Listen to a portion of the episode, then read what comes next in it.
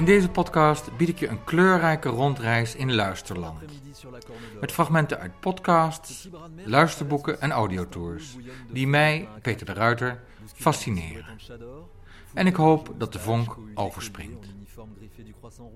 Mijn leven als luisteraar begint pas echt in 2004, als ik bij een Franse benzinepomp een boek koop.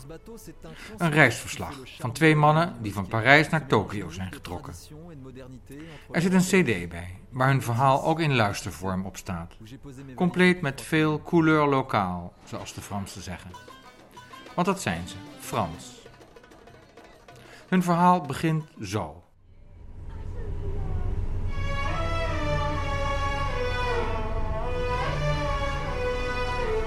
Fin d'après-midi sur la Corne d'Or.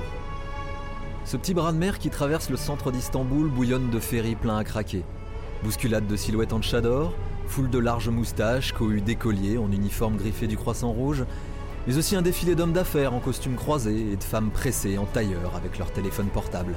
Bref, sur ce bateau, c'est un concentré de ce qui fait le charme de la ville aux mille mosquées.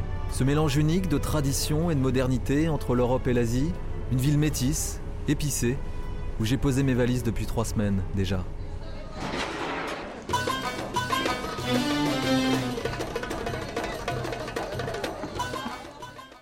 Ik versta er niet veel van, want mijn Frans is ook weer niet zo goed. Hij heeft het over een mobiele telefoon, denk ik, en dat hij zijn koffer al twee weken tevoren heeft ingepakt. Maar alleen rijdend in mijn Ford Focus op de Franse autoroute verkeer ik wel meteen in een andere sfeer. Het is nog 400 kilometer naar mijn huisje in de Auvergne, dus heb ik genoeg tijd om te dromen over exotische bestemmingen. In de bandensporen van Laurent Granier en Philippe Lansac, over drie continenten. Dat is leuker dan luisteren naar de Franse radio, waar ik altijd naar overschakel als de Nederlandse en Franse radiostations buiten bereik zijn gekomen. Om mijn Frans weer een beetje op te vijzelen. Onze verteller praat onderweg ook met mensen van het land, die heel toevallig vaak ook Frans spreken en een mooie stem hebben. Je herkent woorden als islam-Turk, musulman, moslim en laïcité, het Franse woord voor een strenge scheiding tussen kerk en staat. Op de achtergrond hoor je mensen op een rumoerige markt, denk ik, en wat muziek.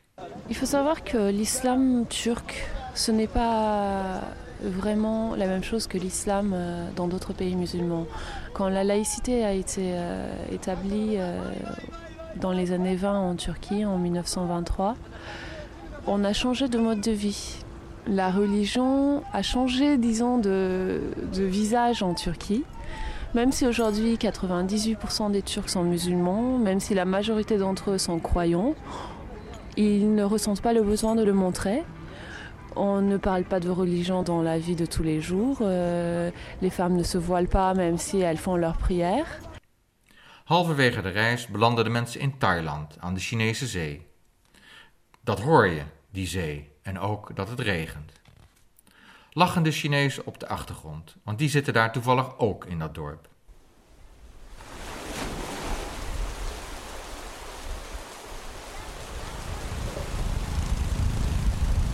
12 février. Bienvenue en Thaïlande, sur l'île de Koh Samui en mer de Chine. Eh oui, il pleut. Pas de lagon transparent ni de plage paradisiaque aujourd'hui. Un pêcheur du coin me conduit dans son bateau longue queue, ces barques thaïlandaises typiques. Pas question de slalomer à toute vitesse comme James Bond dans les marchés de Bangkok, euh, non non.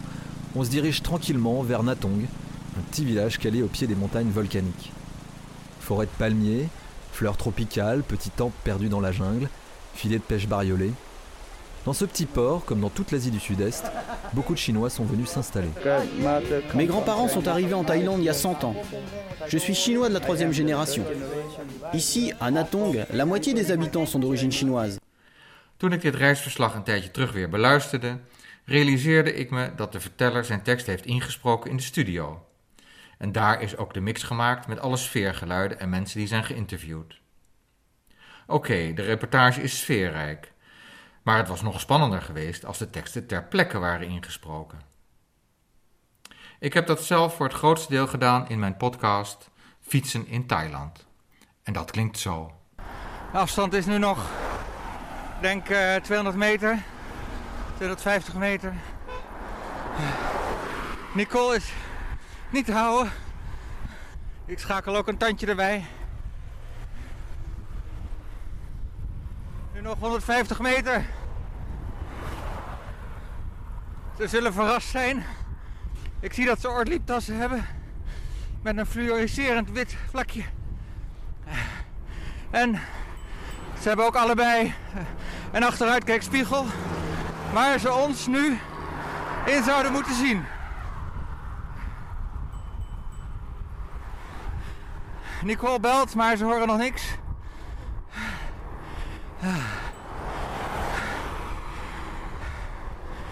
Ah, eentje kijkt half om. Een wat ouder echtpaar. Hallo. Oh, het zijn Nederlanders. Ah. ah. Hey, goedemorgen. Ook uit Nederland. En uh, je bent hier met je vrouw? Ja, we zijn uh, nu anderhalve week onderweg. Gestart in uh, Bangkok.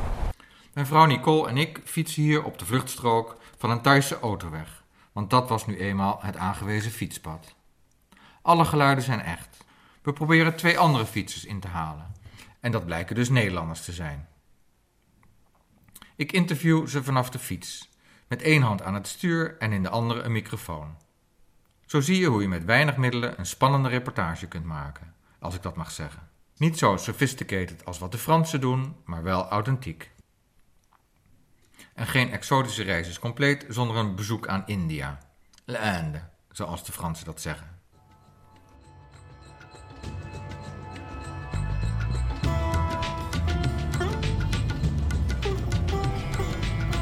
Bombay, 10 août 2001. Les pluies de la mousson sont bien arrivées, mais la chaleur reste insupportable. Une moiteur qui vous colle à la peau au milieu du trafic infernal de rickshaws, de vélos, de charrettes. Mon petit taxi noir et jaune slalom au milieu de ce cafarnaum multicolore, de sari, de vendeurs de légumes, d'affiches de films. Bombay, c'est une bombe.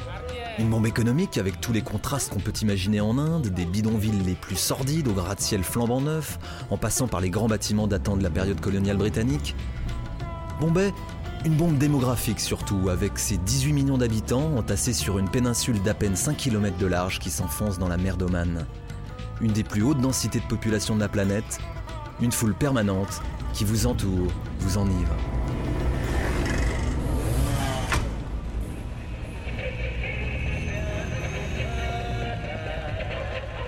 hey, ze zijn mijn favoriete geluid in India vergeten.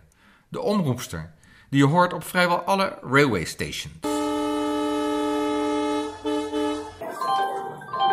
May I have your attention please? 16337 down Oka Ernakulam Express is arriving shortly on platform number 7.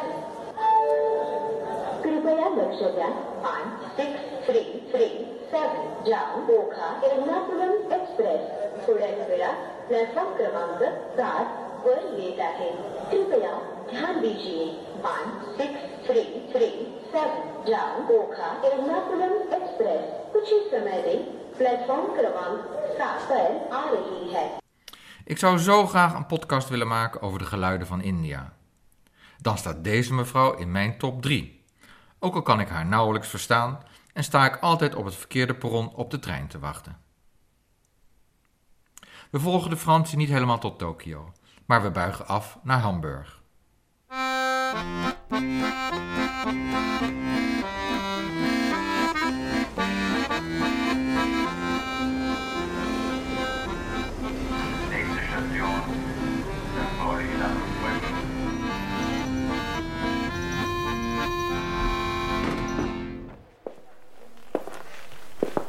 Moin, moin, grüßen die Hamburger, ob am Morgen oder am Abend.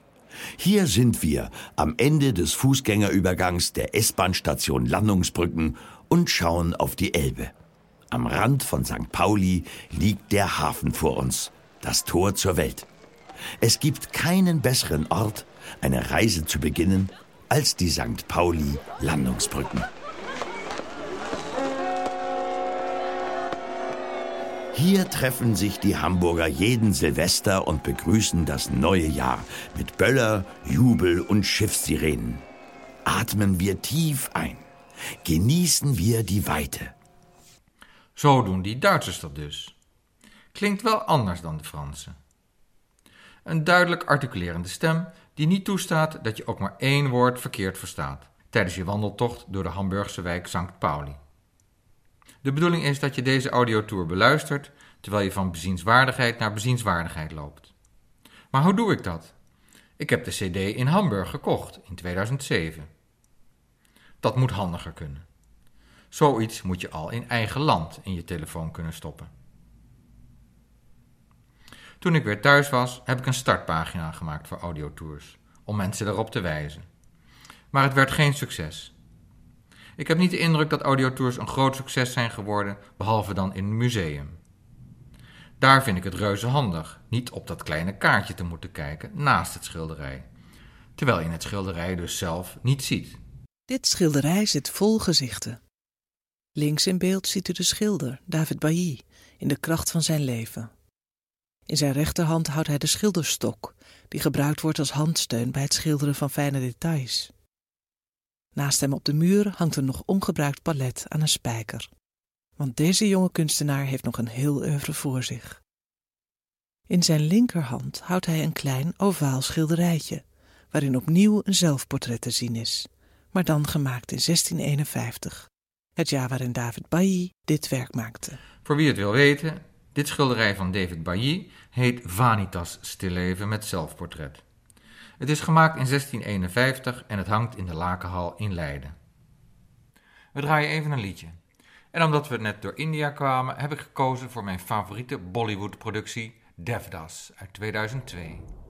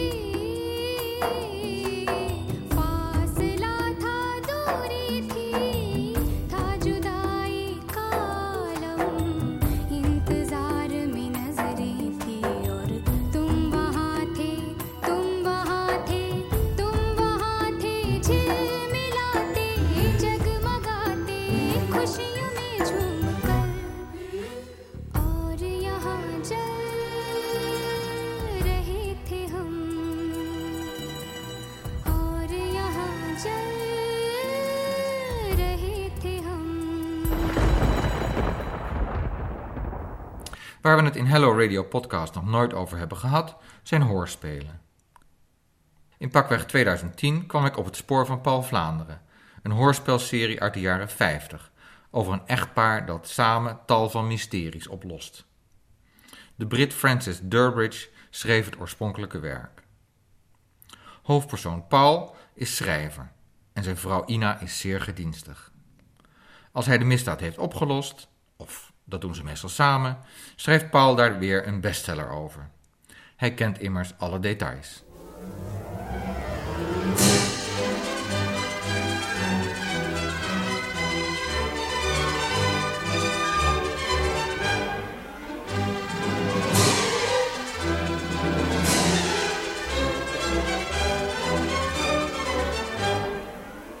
Paul Vlaanderen en het Milborn-mysterie.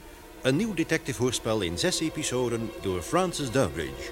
Vertaling Johan Benink, regie Dick van Putten.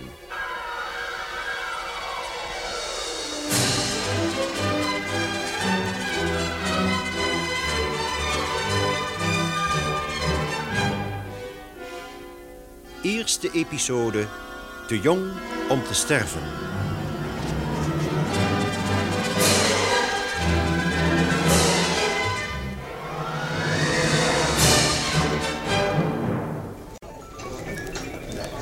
Om je de waarheid te zeggen, Ina, ik ben eigenlijk helemaal niet zo dol op dit restaurant.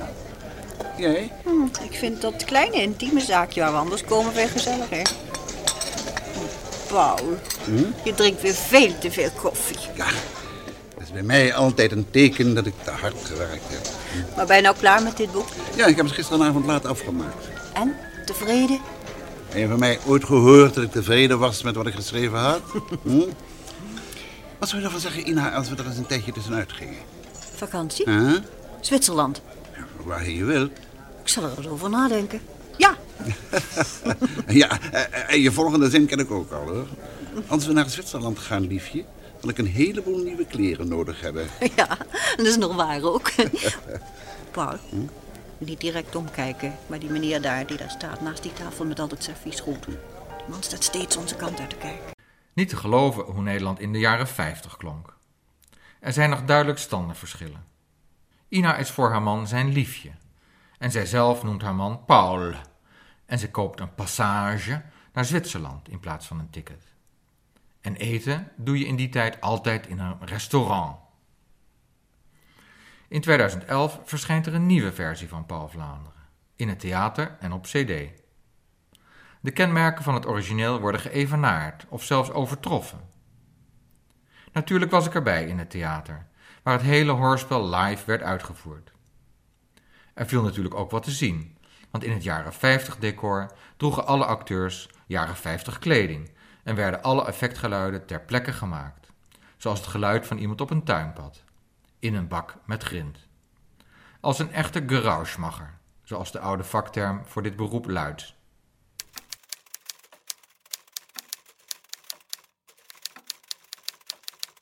Paul.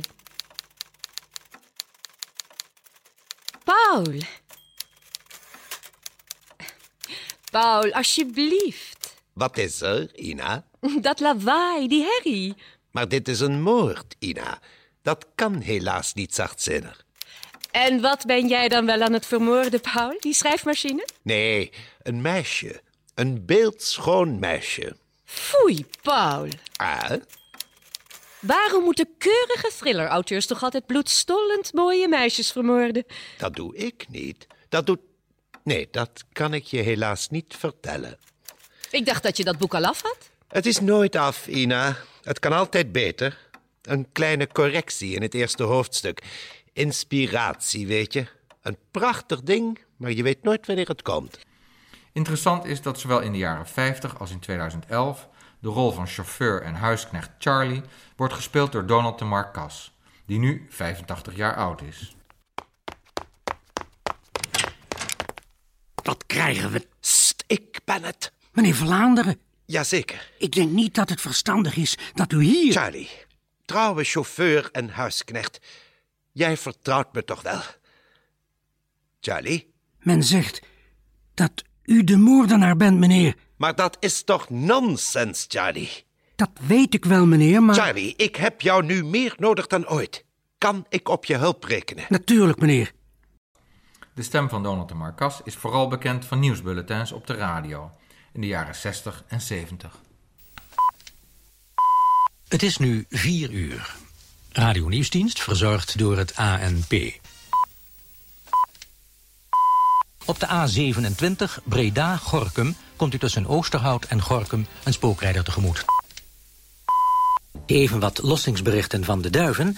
Afdeling A, kring 2, Bergen op Zoom, vermoedelijk 12 uur. Nijmegen, 644, min 5. 6 uur, NOS Radionieuws. Tot zover deze duivenberichten. En dan mogen we als bekende stem Philip Bloemendaal van het Polygoonjournaal natuurlijk niet vergeten. In het centrum van het oude Amersfoort hebben de eeuwen stilgestaan. Deze zomer zal het 700 jaar geleden zijn dat aan deze fraaie gemeente stadsrechten werden toegekend. Om de feestelijkheden meer luister bij te zetten, zal een groot aantal Amersfoorters wekenlang gekleed gaan in de zwierige kledij van de middeleeuwen.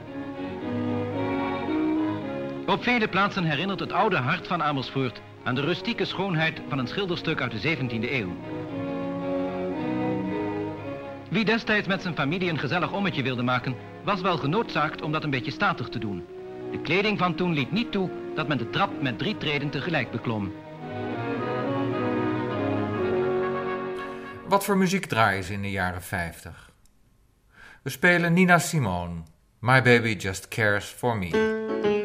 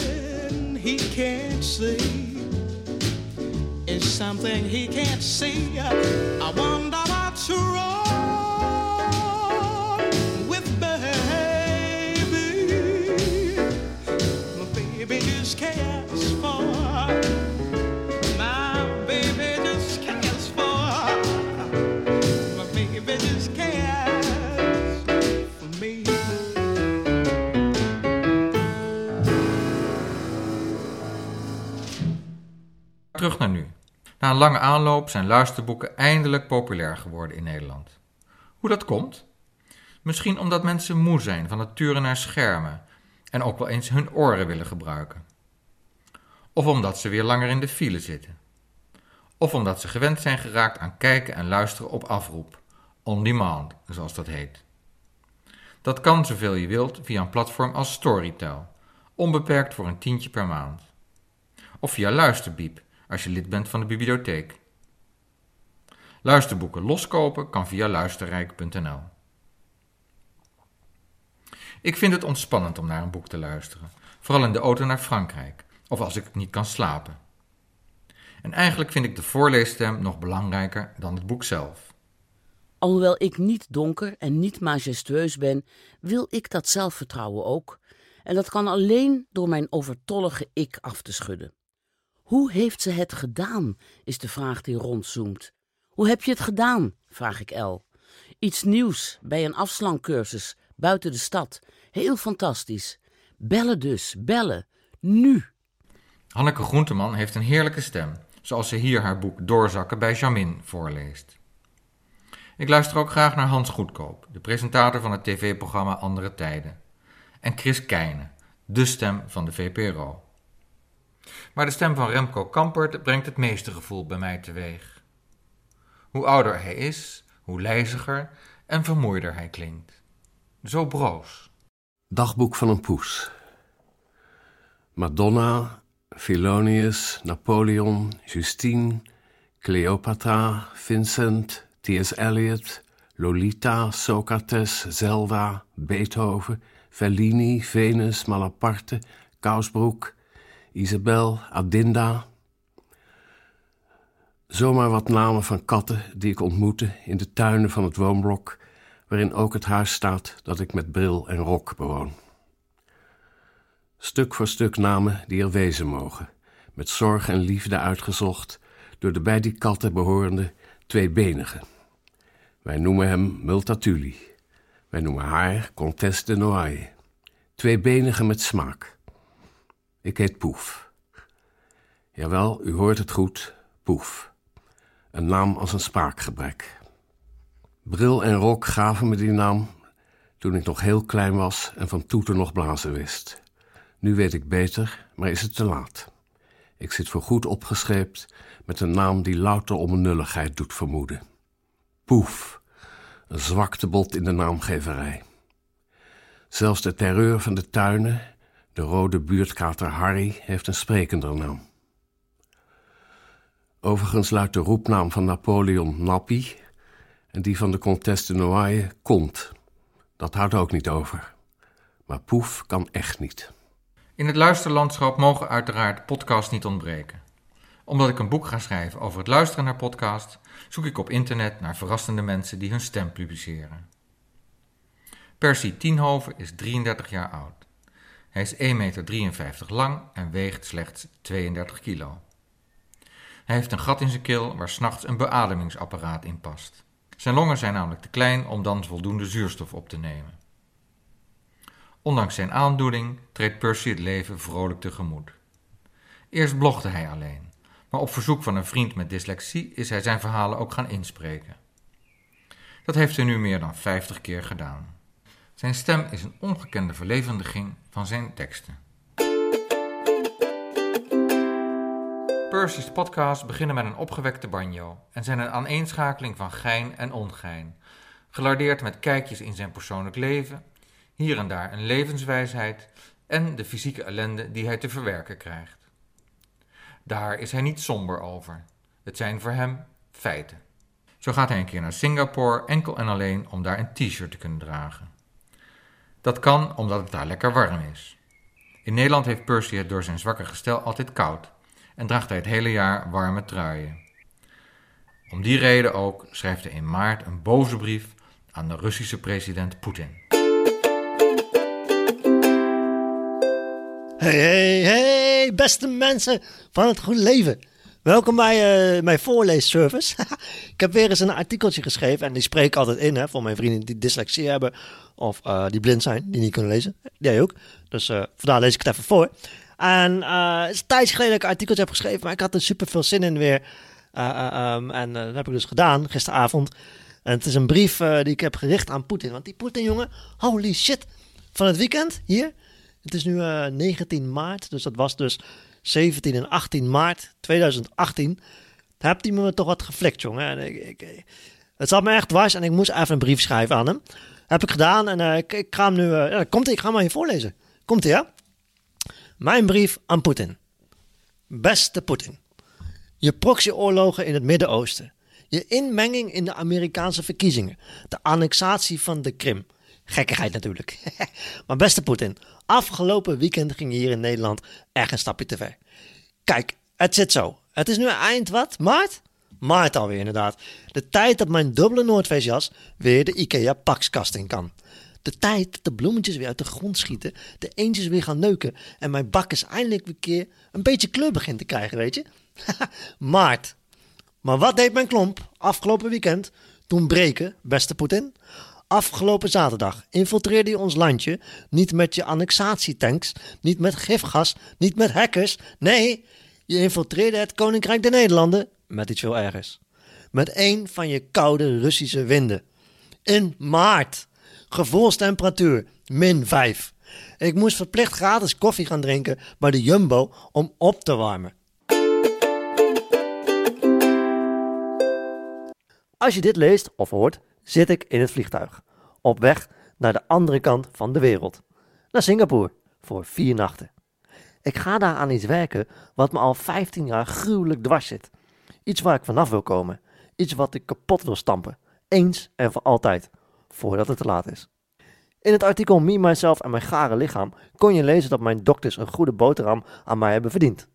Ik ben 1 meter 53 centimeter en met het kleine lichaam heb ik een tijdje in coma gelegen. Lekker chillen op de intensive care. Mijn rug is van staal.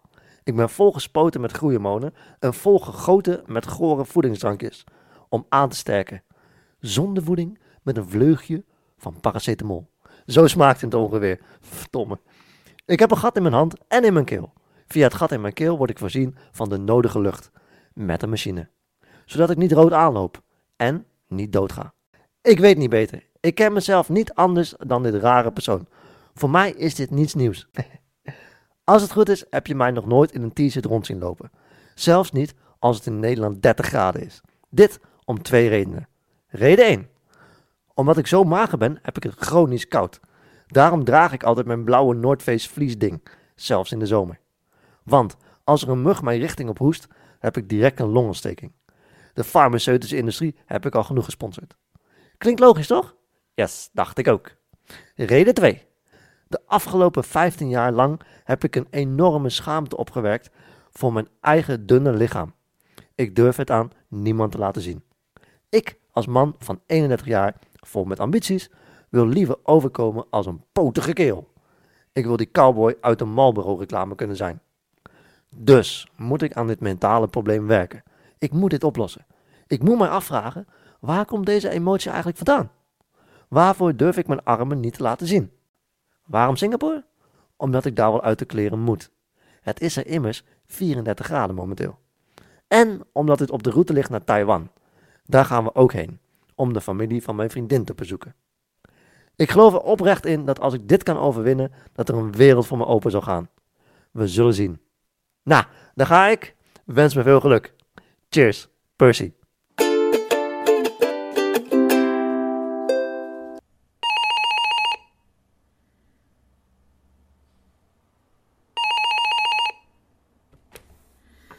Hello Radio Podcast, goedemiddag. Goedemiddag, met eh, Steven Heijen. Oh, dag Steven. Fijn dat je belt. Eh, ik neem aan dat jij een, eh, een podcast-fan bent.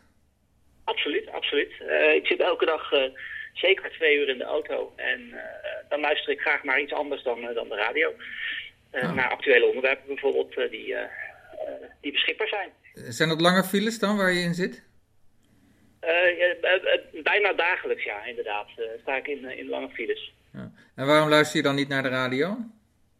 Eh, eentonig en ik vind het ook leuk om een beetje eh, actuele onderwerpen te luisteren. Dus niet alleen maar muziek en eh, pratende DJ's, maar ook wat, eh, wat leuke onderwerpen. En, en, en, en wat voor podcast luister je dan? Ik luister met name eigenlijk naar eh, BNR. Af en toe eh, eh, wijk ik eens uit naar een andere. Iemand eh, mij iets adviseert, dan, eh, dan luister ik daarnaar. Maar meestal eh, BNR. En en wat voor soort onderwerpen? Eh, vaak ICT gerelateerd. Dus eh, kunstmatige intelligentie. eh, ja, dat, dat soort onderwerpen vind ik, vind ik interessant. En, en waarom juist die, dat soort onderwerpen? Heeft iets te maken met je werk of zo? Of? Absoluut, ja. Ik werk in die, die richting en ook interesse. En, en is het iets van, van de laatste tijd? Of heb je het je hele leven al gedaan, zeg maar? Nee, eigenlijk niet. Dus eh, als ik, in de, in de files eh, eh, rij, de files worden steeds langer. Dus ongeveer, denk ik, eh, een anderhalf jaar. Oké, oké. En, eh, en je vindt het wel een, ver- een verrijking van je autorit, zeg maar? Absoluut. De tijd gaat sneller. En het zijn, nou, wat ik al zei, het zijn gewoon leuke onderwerpen om naar te luisteren. Dus de tijd vliegt voorbij. Maar als je dan eenmaal thuis bent of op je werk, eh, waar luister je dan naar? Dan luister ik eigenlijk weer gewoon naar de radio, moet ik zeggen. Want dan is het meer een achtergrondmuziekje en dan, eh, dan, dan, eh, ja, dan ben ik niet zo geconcentreerd. Dan ben ik met andere dingen bezig. Want, want podcast is geen, eh, geen achtergrond voor jou. Nee, nee, nee. Ik, ik, ik wil wel echt een onderwerp dat ik, dat ik interessant vind en waar ik naar luister. Waar ik in geïnteresseerd ben. Oké. Nou, ik, ik dank je hartelijk voor je, voor je belletje.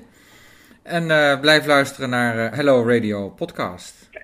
Absoluut. Jo, tot kijk. Dag Steven. Tot ziens. Annelies van Dam is fysiotherapeut, psycholoog, regressietherapeut en yogadocent. Haar passie is mensen op holistische wijze begeleiden bij gedragsverandering, persoonlijke ontwikkeling en groei. Haar podcasts zijn van een ontwapenende eenvoud, gespeend van elk effectbejag en inclusief beginnersfouten. Rommelen met de microfoon, aan- en uitklikken, soms geluid van telefoonkwaliteit, de keel schrapen, versprekingen en ploppen vanwege het ontbreken van een plopkap. Het hoort er allemaal bij en het maakt haar geluidsopname authentiek. Een montageprogramma is niet aan Annelies besteed. Soms leest ze een verhaaltje voor van toontellige en soms geeft ze met haar prettige stem een ontspanningsoefening. Ontspan je. Laat maar los. Ontspan je. Laat maar los. Kom maar zitten en luister. Even niets hoeven. Laat je meenemen, ontroeren, verstillen of inspireren, om het in de woorden van Annelies zelf te zeggen. Ze zegt dat haar podcasts een oefening zijn, waar ze geen publiciteit voor heeft gezocht. Toch heeft ze tientallen luisteraars. Wat mooi is, komt vanzelf bovendrijven.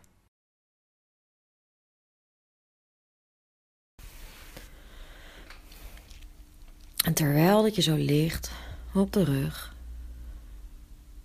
ontspan de wenkbrauwen. Weet dat je nu hier in dit liggen echt niet hoeft aan te spannen het gezicht.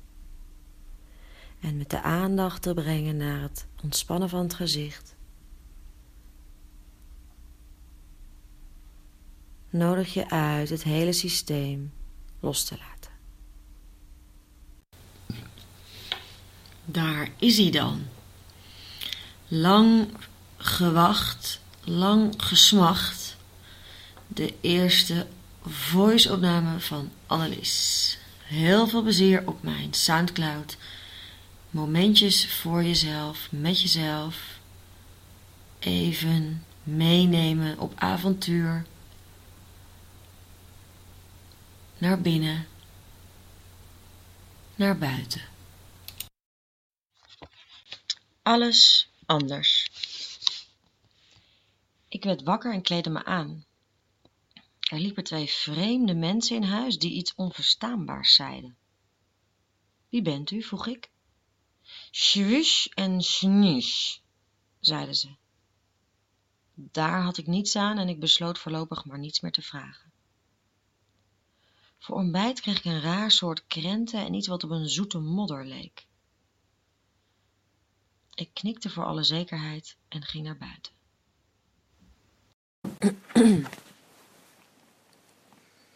Yoga als kunst van het ontspannen.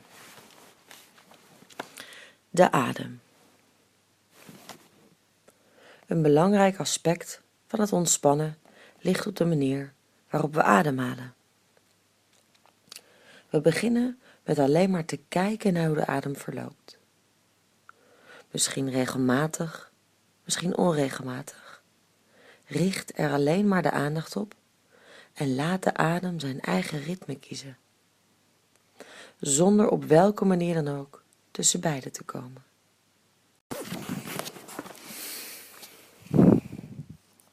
Vroeg in de ochtend, toen bijna alle dieren nog sliepen en de zon nog maar net boven de horizon opkwam, stapte de meikever de winkel van de springkaan in.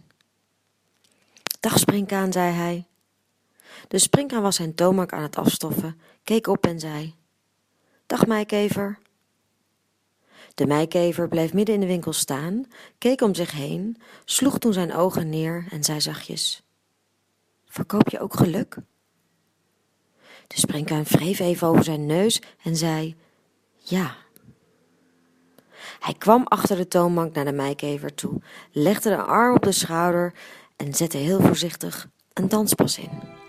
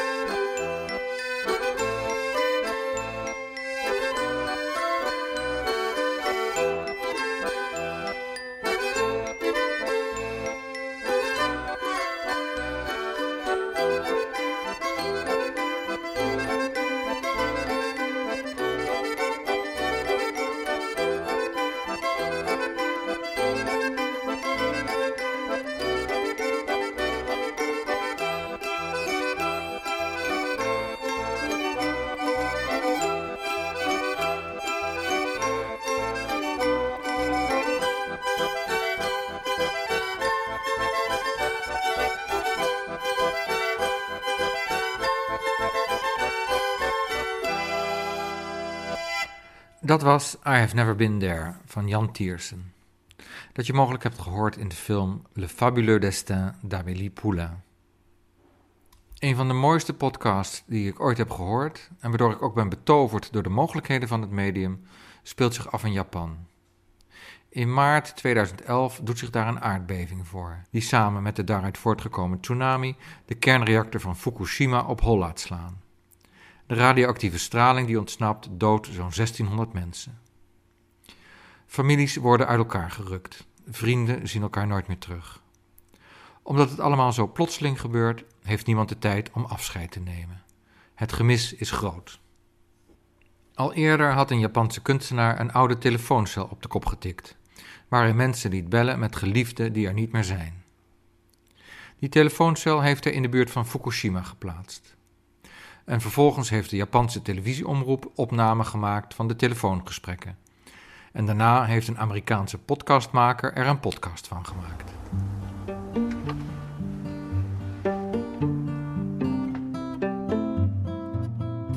One of the things that makes these calls so poignant to me is all the understated ways that people are actually saying, I love you and I miss you. I never say something so direct like that in Japanese. It's just not done. I've only seen people say it in the soap operas. Aishiteru. Even saying that right now feels weird. I've never said that to my mom or my grandparents. Take this call. It's winter. The phone booth is surrounded by snow. Hello? Mom? Where are you? He's an older man wearing a baseball cap. He also calls his wife mom. His wife, daughter, and mother, they all went missing in that tsunami. It's so cold, but you're not getting cold, are you? Our grandma and our daughter Miyuki with you too? Come back soon. Be found soon. Everyone is waiting for you. Okay? I'll build a house in the same place. Eat something, anything. Just be alive, somewhere, anywhere.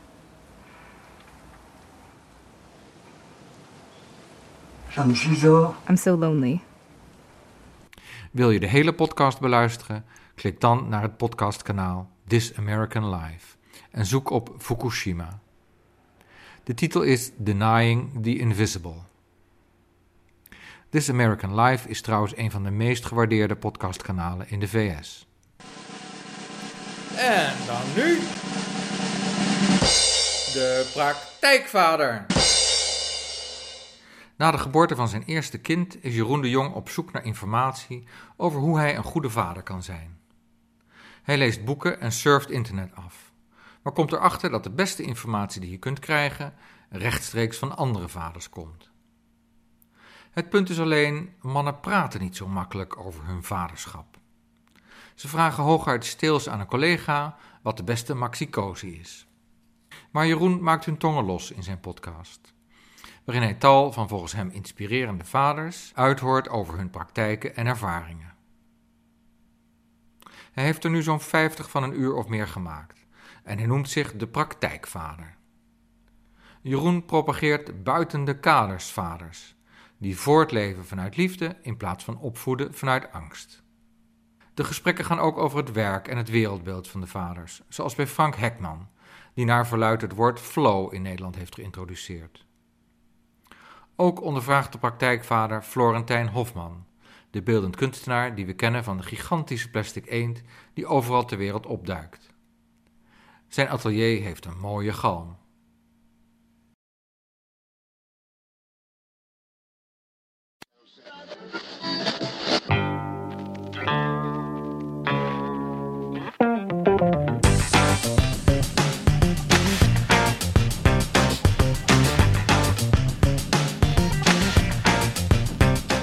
Ik ben Jeroen de Jong en dit is de Praktijkvader Podcast.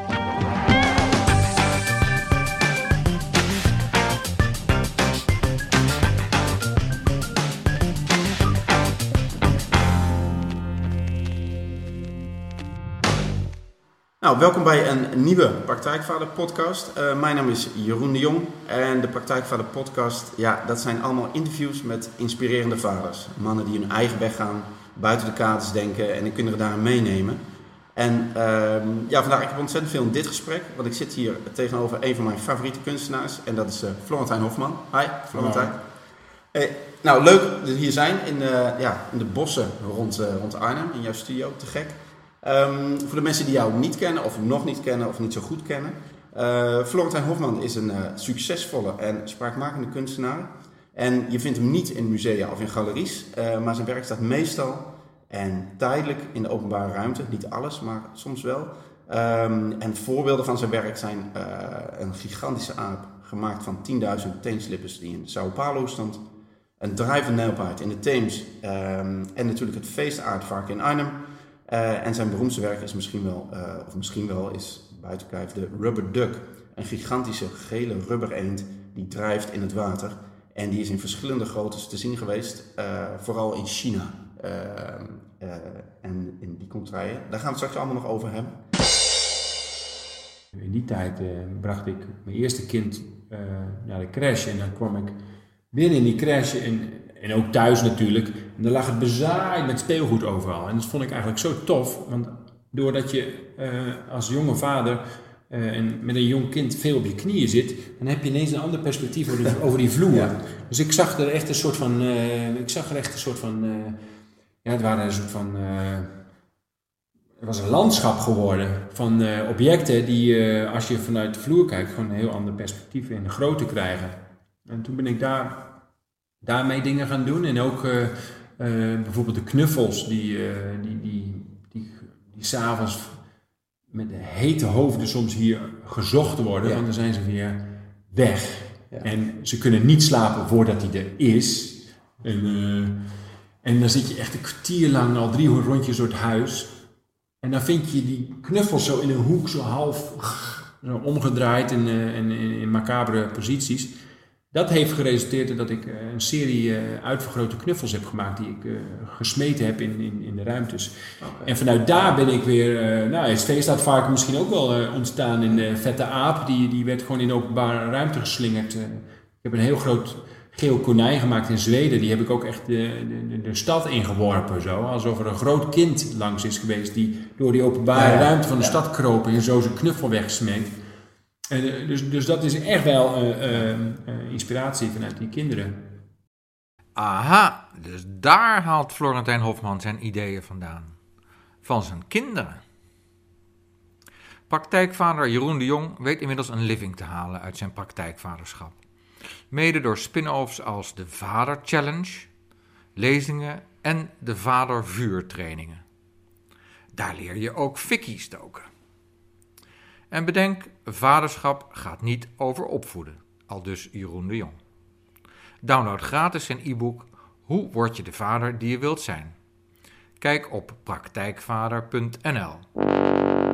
Wat is het leuke van het maken van een podcast? Dat er geen regels zijn. Voel je vrij om te doen wat je wilt. Het is natuurlijk meegenomen als je de luisteraar weet te boeien, maar zelfs dat is niet noodzakelijk. Er zullen beslist podcasts zijn waarvan het de bedoeling is om erbij weg te dromen. En een podcast mag overal over gaan, zelfs over een kleur. Geel. Aflevering 1. Ik wil op zoek naar de essentie van de kleur geel. Hoe geel is geel? Waarom en wat kan je ermee? En ik dacht bij mezelf, wat is daar de meest geschikte vorm voor? Een podcast. Dus dit is een podcast over de kleur geel. Hey, Tony van Tiel. Ik maak, een, uh, ik maak een podcast over de kleur geel. En ik heb een ja. beeldmerk daarbij nodig. Waar denk je aan? Uh, wat bedoel je met een beeldmerk? Nou, gewoon als je een podcast maakt, dan heb je een plaatje nodig waar mensen op klikken. Uh, Zo'n beeldmerk of geel. Ja, waar denk je aan? geligs en dan... maar wat is de podcast dan? Ja, die gaat over de kleur geel. Ach, die gaat alleen, oké, okay, over de kleur geel.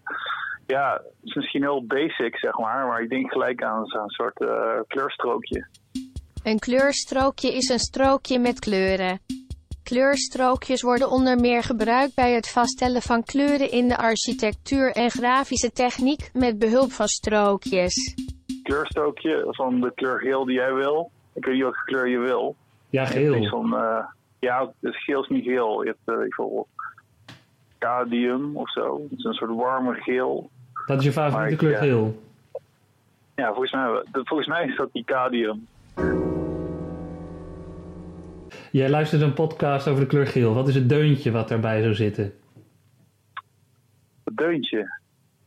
Ik, misschien komt het ook door, uh, misschien komt het ook door de kleur van het instrument, tuba.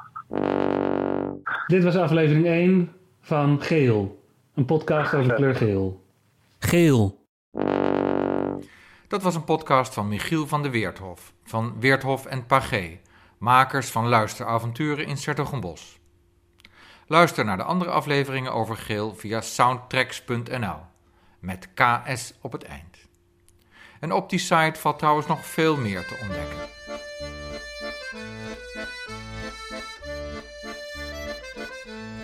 Dit was een eerste aflevering van Rondreis in een luisterlandschap. Misschien volgt er nog een tweede. Dus abonneer je op Luisterdok en je hoort het vanzelf.